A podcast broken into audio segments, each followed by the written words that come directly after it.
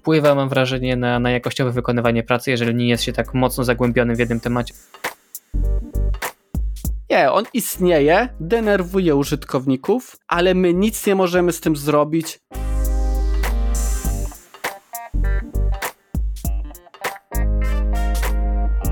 Cześć, tutaj Krzysztof Miotk i Szymon Szepla. A to jest UX po godzinach, sezon trzeci. Postanowiliśmy go otworzyć podobnie jak zakończyliśmy sezon drugi, czyli wspólnym odcinkiem. Odbiór tego poprzedniego eksperymentu był na tyle pozytywny, że możecie się spodziewać takich odcinków nieco częściej w sezonie trzecim. E, dzisiaj natomiast na tapet bierzemy temat bardzo nam obojgu bliski, czyli współpracę projektanta i badacza UX. Ale to nie wszystko. Na końcu odcinka mamy też dla Was wiele niespodzianek. Zaproszenie na testy użyteczności naszej strony internetowej oraz aukcje dla WOŚP, w których możecie ustrzelić konsultacje z nami lub audyt UX strony internetowej. Oczywiście mamy dla Was też okolicznościową zagadkę, a ta w tym tygodniu brzmi: Jak myślicie, kto deklaruje większe zaangażowanie w ostatniej fazie projektu, czyli w fazie delivery? A. Projektanci UX, B. Badacze UX, C. Ich zaangażowanie jest bardzo zbliżone.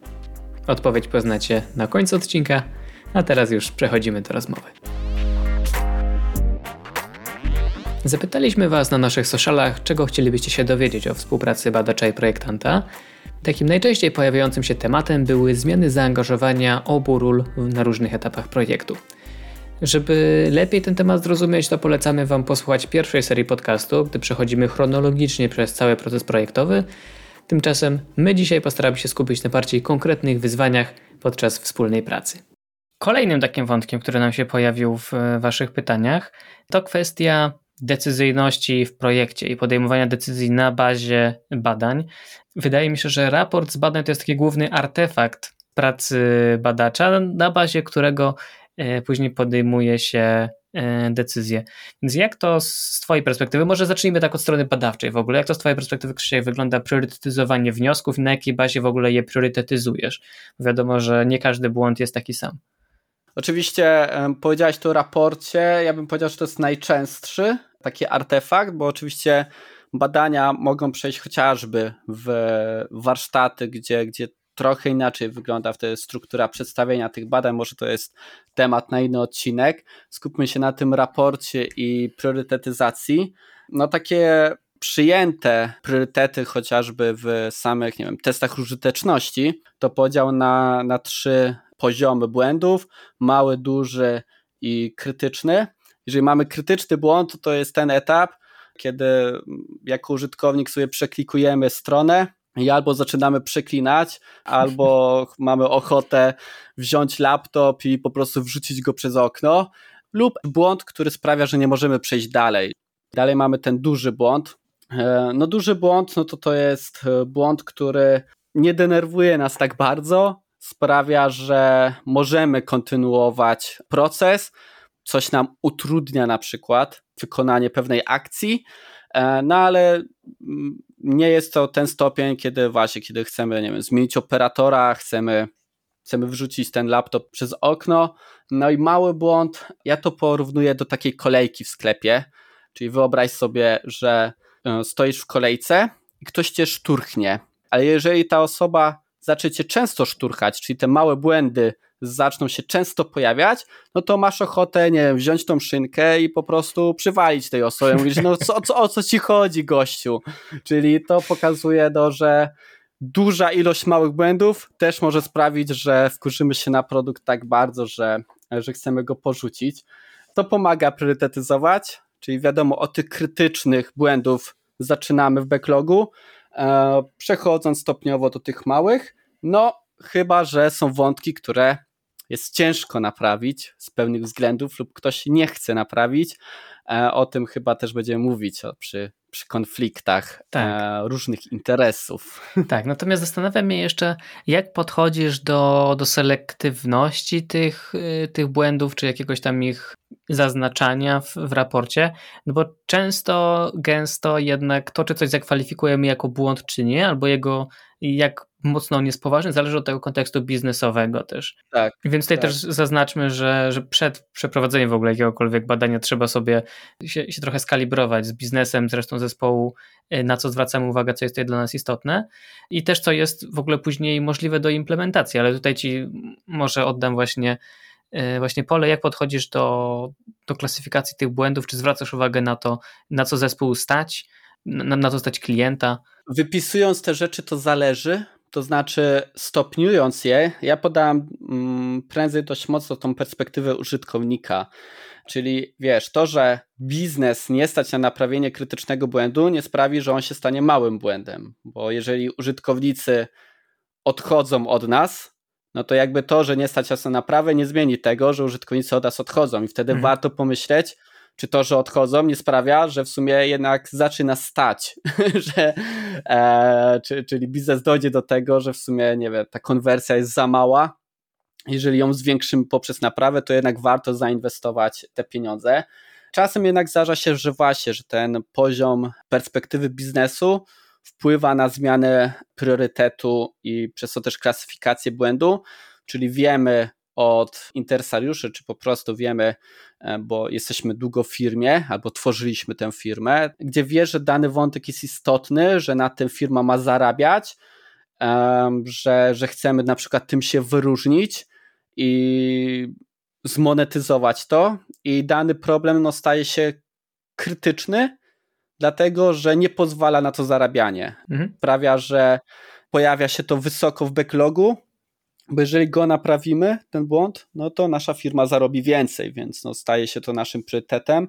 E, no i trzeba też mieć na uwadze, że nie tylko to oznaczenie błędów jest sposobem na priorytetyzację. No możemy wykorzystać chociażby macierze, które zresztą sam pamiętasz. Dokładnie tak. Żeby nałożyć wartość dla użytkownika, nałożyć koszt biznesu i koszt w ogóle e, naprawienia czy stworzenia danego rozwiązania.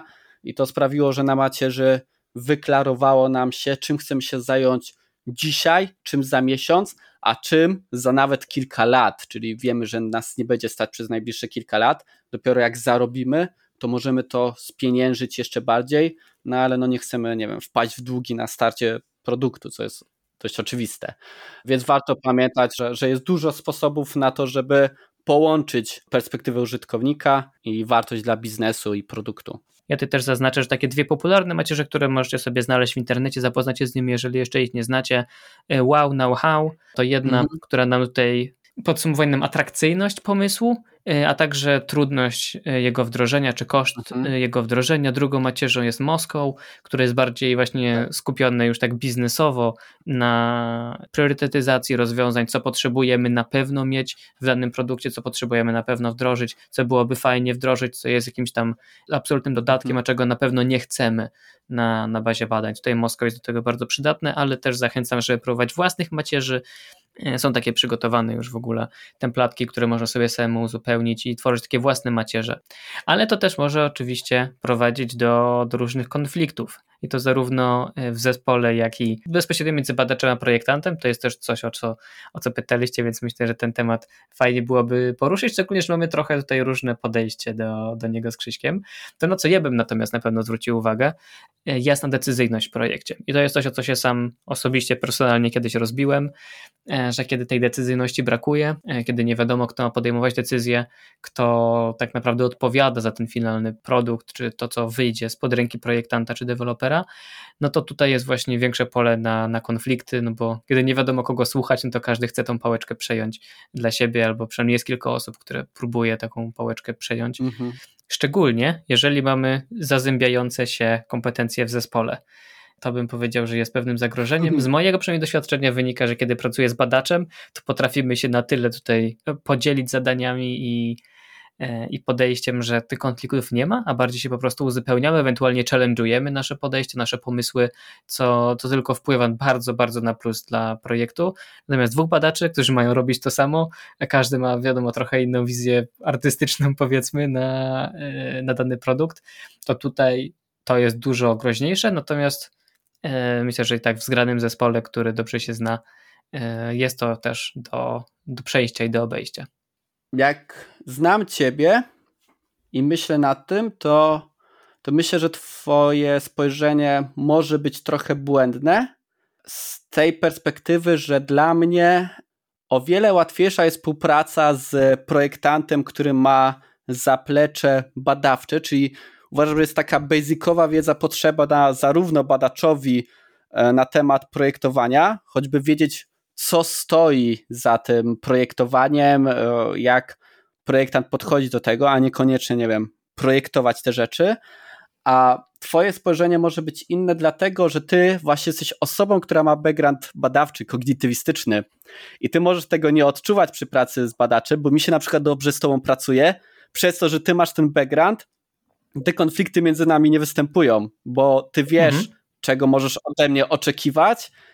Ja wiem, że mogę w pewnych e, konkretnych e, rzeczach tobie też zaufać i wiem, że też i chyba to jest najważniejsze, no nie będziemy się gdzieś tam wtrącać w tą pracę swoją, w te swoje kompetencje, bo my wiemy, gdzie są nasze ograniczenia, e, a gdzie są nasze mocne strony, gdzie warto to wykorzystać. Więc myślę, że ty masz takie spojrzenie przez to, że po prostu masz ten background badawczy i wiesz, kiedy, e, jak współpracować z badaczami, więc myślę, że to jest, to jest przydatne. Możliwe, no. To jest to, co I powiedziałeś, żeby się, żeby, się, żeby się nie wtrącać. Mam wrażenie, że to jest istotne, nie? że mimo tego, że tak, jakiś tam tak. background no. mam, no to rozumiem, jaki jest podział zadań E, i wtedy potrafię przejść tą taką rolę pomocniczą, ale w dalszym ciągu oddaję pałeczkę czy tobie, czy, czy innemu badaczowi i tutaj jest, mam tą pewność, że zrobisz, czy zrobicie dobrą e, robotę. Natomiast kiedy tak. pracuję z drugim projektantem i tutaj nie wiem, kto jest liderem, nie wiem, kto ma podejmować decyzję, która wizja, mhm. znaczy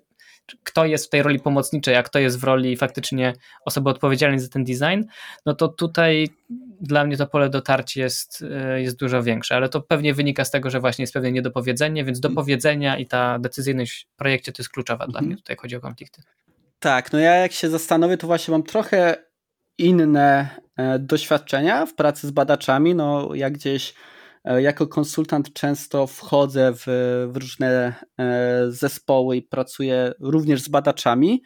I jeżeli jest wysoki poziom kompetencji mojego partnera lub partnerki w projekcie, która właśnie jest gdzieś badaczką, to widzę, że mniej jest tych konfliktów. Możemy dyskutować, możemy widzieć różne sposoby na badanie danej rzeczy, ale nie jest tak, że mamy konflikt typu nie, to nie może w ten sposób e, zaistnieć. Raczej jest to, a gdyby to zrobić w inny sposób. E, inaczej jest, kiedy trafiamy na, na osobę, która jest gdzieś, nie wiem, juniorem, który wiesz, no ma to spojrzenie takie, e, że wszystko wiem i, i wtedy mogą się zacząć konflikty, mhm. bo jest, nie wiem, przeczytany artykuł kontra doświadczenie z jednym się bardzo mocno zgodzę, czyli ja nawet jak teraz na przykład zacząłem w tym tygodniu projekt z, z wybitną badaczką, którą niesamowicie szanuję, na samym początku mieliśmy uzgodnione, kto jest liderem projektu. I mimo, że gdzieś e, to jest osoba, która akurat wróciła po, po długim chorobowym, więc ja zostałem tym liderem i było to uzgodnione od początku, czyli mimo, że nie wiem, gdzieś w kompetencjach ja wiem, że ta osoba, nie wiem, że jest lepsza ode mnie, no to ja jestem liderem, więc ja mam ostatecznie decyzyjność, choć co prawda póki co nie zdarzyło się, żebyśmy, nie wiem, żebyśmy mieli gdzieś ten problem i ta decyzyjność musiała być gdzieś podjęta. Raczej idziemy w tym samym kierunku i właśnie dyskutujemy. Ale to zaznaczenie, kto jest liderem w, w duecie, to, to myślę, że jest dość istotne. A nie wydaje ci się, że to też może być kwestia tego, że badania i metodologia badawcza jest dużo lepiej ustandaryzowana. To jest jakby dziedzina naukowa, tak, dziedzina badań, gdzie mamy pewne, pewne wzorce naukowe, wiemy w jaki sposób przeprowadzać badania, tak żeby były wartościowe i niosły insighty, które, które mają przełożenie na rzeczywistość. Przy projektowaniu tego nie ma. Może być kilka rozwiązań jednego problemu, więc to pole do, do interpretacji, do różnych podejść, do różnych pomysłów jest dużo szersze niż przy badaniach, gdzie wiadomo, że są pewne standardy, których trzeba przestrzegać. W projektowaniu też pewne są, tak? Wiadomo, mamy, mamy heurystyki, pamiętamy o pewnych podstawach, ale to pole tutaj jest do interpretacji dużo szersze niż przy badaniach. To może też wpływać na te konflikty, no bo im mamy mniejsze pole do decyzji, tym trochę łatwiej chyba uznać, jaki jest konsensus możesz mieć rację, choć wiadomo, nie w każdym przypadku. Są przypadki, kiedy nie ma wątpliwości, nie wiem, musimy zastosować tą metodę, to narzędzie i tak dalej.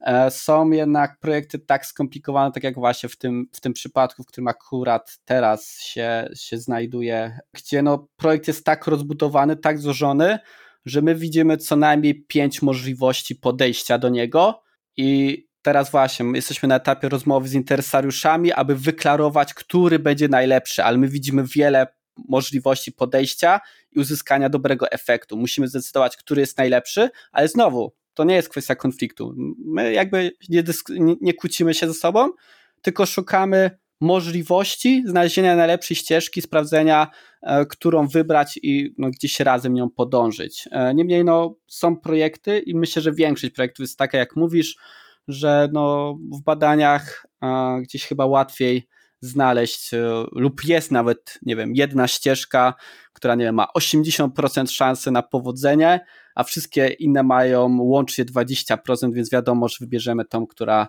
ma to 80% czy nawet więcej. Wspomniałeś też o interesariuszach, z którymi się teraz konsultujecie, tak. żeby wybrać tą najlepszą ścieżkę i bardzo mnie to cieszy, bo zaraz o tym będziemy rozmawiali już w kolejnej części, ale póki co zapraszamy na nasz kącik literacki, w związku z tym krótką przerwę.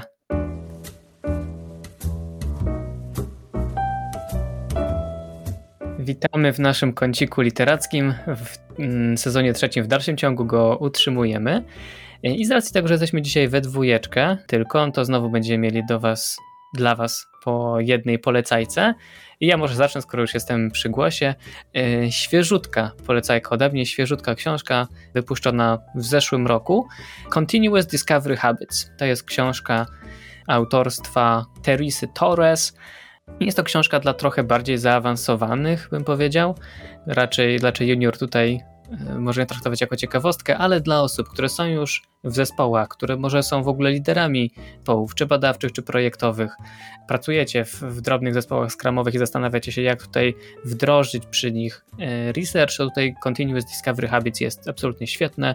Taka research opsowa książka e, promująca podejście takiego mm, ciągłego, naprawdę bardzo ciągłego, bardzo częstego zdobywania inputów od odbiorców, bardzo częstego, czystej komunikacji z nimi, co tydzień, co dwa tygodnie, co sprint, żeby mieć takie drobne, ale bardzo częste okazje, żeby z użytkownikami się spotykać e, i na bieżąco po prostu weryfikować to, co nam w danym tygodniu, w danym sprincie wychodzi, od razu mieć możliwość z jedną, z dwiema osobami to zderzyć, co w takiej, takiej szerszej perspektywie, z wyższej wysokości e, da nam bardzo dużo danych w, stosunkowo krótkim czasie i pozwoli też na takie bardzo właśnie szybkie, agile'owe e, działanie. Nie trzeba czekać na kolejną rundę badań w kolejnym kwartale, na przykład, jak to w wielu firmach teraz wygląda. Nie jestem przekonany, czy to jest podejście na pewno dla wszystkich, czy to jest podejście zawsze skuteczne, natomiast bardzo ciekawa perspektywa i warto się na pewno na nią pochylić, jeżeli w waszych badaniach, w waszych projektach coś teraz nie działa do końca tak, jakbyście tego sobie życzyli. A co od ciebie, Krzysiek? Ja zanim polecę książkę, to powiem, że jesteś drugą osobą w ciągu dwóch tygodni, która poleca tę książkę przy mnie. Wracając jednak do polecajki, e, z mojej strony coś, co czytam aktualnie i myślę też jest mocno związane z komunikacją. W tytule jest komunikacja, więc myślę, że nawet bardzo. Tytuł to Perswazyjny Poker. Talia najskuteczniejszych technik sprzedaży, prezentacji komunikacji autorstwa Grzegorza Załuskiego i Adama Czajkowskiego. Szczerze mówiąc, nie jest to Mistrzostwo Świata, ta książka. Tam jest 50, są 52 techniki prezentowania, sprzedaży e, i komunikacji. Nie z każdą techniką się zgadzam. Część uważam, że jest zbyt taka kojarząca mi się, nie wiem, z domokrążcami. Tak mi się to też skojarzyło, takie właśnie techniki yy, tak, wciskania tak. produktów komuś. Tak, i część rzeczywiście jakby przeczytałem e, część tych, e, tych kart, bo każda technika jest nazwana tutaj kartą. To miałem jakby niesmak, ale były wątki, były karty, które rzeczywiście stawiały na tą otwartą komunikację, e, zrozumienie drugiej osoby i wyjście z jakąś inicjatywą. Czyli no część kart polecam, a, a część, nie wiem, no może dla kogoś będzie to dobre, no, no ja raczej nie ze wszystkiego tutaj skorzystam. No i super. takim razie linki do książek, które zaznaczyliśmy, e, jak zawsze znajdziecie w opisie odcinka. A teraz wracamy do naszej rozmowy i porozmawiamy sobie o decyzyjności w projekcie, decyzyjności na podstawie badań, co, kto i dlaczego.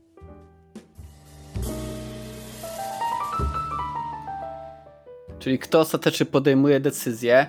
E, ja myślę, że tutaj dwa wątki możemy zaznaczyć. Pierwszy wątek to jest mamy te badania, mamy te testy użyteczności chyba są e, najlepszym zobrazowaniem tego, mhm. czyli badacz coś przebada w interfejsie, jakiś e, etap, jakiś proces, ma pewne rekomendacje. Znowu, oczywiście te rekomendacje i poziom rekomendacji jest zależny od wiedzy badacza i on przekazuje to między innymi, oczywiście nie tylko, projektantowi. No i teraz decyzyjność. Co się stanie z tym projektem? Ja się śmieję, że co ja mogę zrobić, jeżeli ja powiem, rekomenduję to i to, a projekta zrobi coś innego. No, co jakby, nie wiem, dam mu po łapach, puść tą, puść, tą my, puść tą myszkę, jakby zrób to inaczej. Nie zrobię z tym za dużo. Mogę jedynie, kiedy on powie, że nie, nie zgadza się, zaprojektuję inne rozwiązanie, inaczej to przedstawię, no to mogę co zrobić? No znowu przeprowadzić jakieś badania, nawet krótkie, szybkie e, i pokazać albo jemu, albo sobie, że ktoś z nas się mylił, albo ktoś miał mhm. większą rację. Czyli no ta decyzyjność tutaj, e, no wiadomo, no ba, e, badacz coś sugeruje, ale no to, to projektant ostatecznie zdecyduje, co z tym zrobi. To Choć też tutaj... w sumie to też... Ostatecznie to chyba złe słowo, bo tutaj przejdziemy do drugiego wątku zaraz, ale chcesz coś powiedzieć? No? Tak, tak, że tutaj ta rola y, badacza też jest bardzo różna w zależności od projektu, od tego, do czego on został zatrudniony, jaką on ma rolę y, w, właśnie w danym projekcie czy w danej firmie. Bywa tak, że projektant jest po prostu integralną częścią projektu i on tutaj na bieżąco jest, jest w środku, rozumie wie, wiele więcej kontekstów i może dużo więcej zarekomendować. W przypadku, kiedy projektant jest tylko z doskoku, albo tylko właśnie wynajęty do tego, żeby przygotować badanie, raport e, i przeskoczyć gdzieś indziej dalej, e, no to siłą rzeczy tutaj ta, ta decyzyjność, ta siła przebicia badacza będzie dużo mniejsza, no bo on przygotowuje po prostu pewne rekomendacje, a to, co się z nimi później dzieje, no to jest osobna kwestia. Nie był zatrudniony do tego, żeby te rzeczy wdrażać, żeby tutaj jakoś pracować nad kulturą organizacyjną. Mhm. Drugi wątek w ogóle, bo my tutaj rozmawiamy o tej decyzyjności między projektantem a badaczem, a to jest tylko tak. taki mały mhm. skrawek, bo tak naprawdę decyzje, to zawsze podejmuje biznes. I o tym się często zapomina w tych takich naszych właśnie wewnątrz bańkowych dyskusjach o UX-ie, ale tak naprawdę no to decyzję podejmuje ten, kto wykłada kasę e, i ten, kto za ten cały produkt odpowiada. I tutaj to też jest właśnie ciekawa rola badacza, bo kiedy jesteś w tej mhm. organizacji, to będziesz zupełnie inaczej z tym biznesem rozmawiał niż w przypadku, kiedy e, po prostu przygotowujesz raport mm, i, i nikt cię o więcej nie pyta, że tak powiem. No tutaj możemy zahaczyć o wątek naszego projektu z zeszłego miesiąca wspólnego, myślę. Mhm. W sumie mój był w grudniu, a ty mm, w dalszym ciągu jeszcze go, go jeszcze go kończę. W styczniu. No właśnie, właśnie, więc, więc to jest kontynuacja. Dla mnie to jest jakby e, koniec tego wątku. Gdzie, gdzie właśnie no, nas jako, jako konsultantów zaproszono do, do projektu, żeby przebadać pewną aplikację. Jasne, jakby na kick-offie ja widziałem, że wiele rzeczy jest niemożliwe do zrobienia. Czułem, że coś będzie błędem. Otwierasz aplikację i od razu widzisz, co, co będzie źle. Tak, nawet czasem to zboczenie zawodowe aż denerwuje, no nie? Ale tutaj no, zacząłem o to podpytywać i widziałem, że nie, tego się nie da. Nie, tutaj technologia jest wykupiona i my jej nie zmienimy. Tutaj coś tam, tutaj to jest decyzja biznesowa. E, ja wiedziałem, że z tego, co nam wyjdzie w badaniach, nie wszystko zostanie zmienione i już wtedy zaznaczyłem, mówię, że zakładam, że tutaj pojawią się problemy i mimo, że ja teraz wiem, że nie możecie tego zmienić, to ja dodam to do raportu, żeby nikt nie miał jakby tej wątpliwości, że skoro nie ma tego błędu w raporcie, to znaczy, że on nie istnieje. Nie, on istnieje, denerwuje użytkowników, ale my nic nie możemy z tym zrobić na chwilę obecną przynajmniej. I są takie projekty, są takie produkty, gdzie niektóre błędy się powtarzają, powtarzają nawet latami. Mhm. I po prostu każdy wie, że nie można tego zmienić z pewnej przyczyny, ale dla mnie to jest też kwestia takiego czystego sumienia i takiej etyki, że ja muszę wpisać ten błąd. Ja wiem, że nikt z tym nic nie zrobi, że nikt nie może nic z tym zrobić, ale ja muszę dodać ten, ten slajd. Często dodaję, no tutaj tak jak w poprzednich trzech raportach, wyszło, że to i to. Pamiętajmy jednak o tym przy kolejnym projektowaniu nowej funkcjonalności. Może po roku pojawi się nowość na rynku, nowa technologia, która pozwoli nam naprawić ten błąd. Ale jeżeli my przyzwyczajimy się do tego błędu do tego stopnia, że zaczniemy go olewać, no to to już jest źle z nami według mnie chyba czas zmienić, nie wiem, albo pracę, albo środowisko. Ja tutaj jeszcze sprzedam swoją perspektywę projektanta i fakt, że faktycznie warto te błędy zaznaczać. Tutaj myślę, że się fajnie w ogóle uzupełniliśmy. Ja ci w ogóle o tym chyba nie mówiłem, to będzie też taka, taka no. nowość, e, że część błędów, które Krzysiek zaznaczył w projekcie jako jako właśnie istotne. Później przez klienta zostały oznaczone jako, no tutaj niewiele możemy zrobić, tutaj mamy jakąś tam regulację odgórną, albo właśnie jest wykupiona technologia.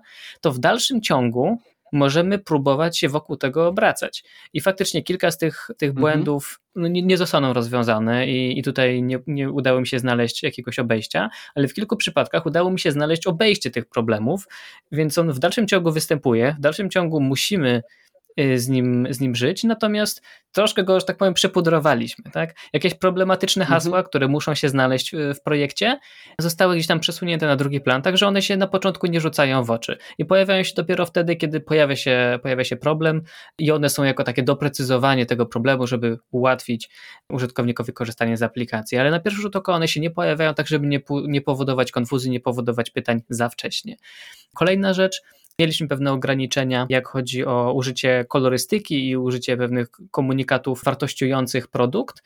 Pierwotnie wydawało się, że nie możemy z tym nic zrobić, ale jednak udało się, oddając całkowicie kontrolę nad tym użytkownikowi. Jeżeli my jako firma nie wartościujemy produktu, nie zaznaczamy, co jest tam pozytywne, co jest negatywne, tylko klient robi to samodzielnie, to to jest już w ogóle osobna para kaloszy i to możemy mhm. zrobić.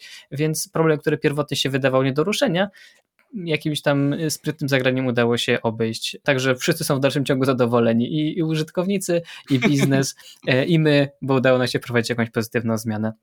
Tak, tak, dokładnie. No i tutaj, no właśnie, nawet jeżeli jesteś wynajęty na miesiąc czy dwa, możesz postarać się być tym doradcą, no nie? To, to, to jest chyba kwestia też podejścia, że niekoniecznie mamy zrobić swoje i wystawić fakturkę, tylko myśleć, jak można wpłynąć na tą kulturę organizacyjną, jak można pokazać inne możliwości, e, żeby było, żeby było lepiej, żeby i biznes zarobił, i ten użytkownik nie był pokrzywdzony, lub chociaż żeby nie był pokrzywdzony tak bardzo. I tutaj myślę, że przechodzimy też do tematu. Podsumowującego już trochę. Tak, czy zespół musi posiadać badacza i projektanta? I Myślę, że to, co definitywnie można powiedzieć, nie musi. to to, że nie, nie trzeba. Tutaj nie ma, że to zależy. Nie, po prostu nie trzeba. To wynika z kilku rzeczy. Po pierwsze, niekoniecznie ma się na to po prostu budżet w organizacji. No, jest to de facto utrzymanie dwóch e, gdzieś etatów, no, projektanta, badacza. Zdarza się dość często, tak mi się wydaje, od projektanta wymaga się wielu kompetencji, które będą gdzieś pokrywały każdą potrzebę w organizacji. Może ty tutaj się wypowiesz, Szymon, bo, bo masz z tym też trochę doświadczenia. No tak, ma to kilka ryzyk, takie, które ja odczuwam teraz, łącząc właśnie w jednej osobie rolę badacza i projektanta, e, to to, że powoduje to większe obciążenie poznawcze i nie zdawałem sobie z tego tak bardzo sprawy wcześniej, mając bieżące wsparcie badacza. Mhm. E, teraz, kiedy go nie mam, to, to odczuwam to naprawdę zauważalnie. Konieczność zmiany kontekstów i zmiany myślenia pomiędzy tym, jak projektuję, a tym, jak badam, to się nie wydaje dużo, ale jednak jest to pewien wydatek energetyczny. Również to jest kwestia tego, że trzeba na tej osi czasu poruszać się dużo sprawniej i dużo częściej.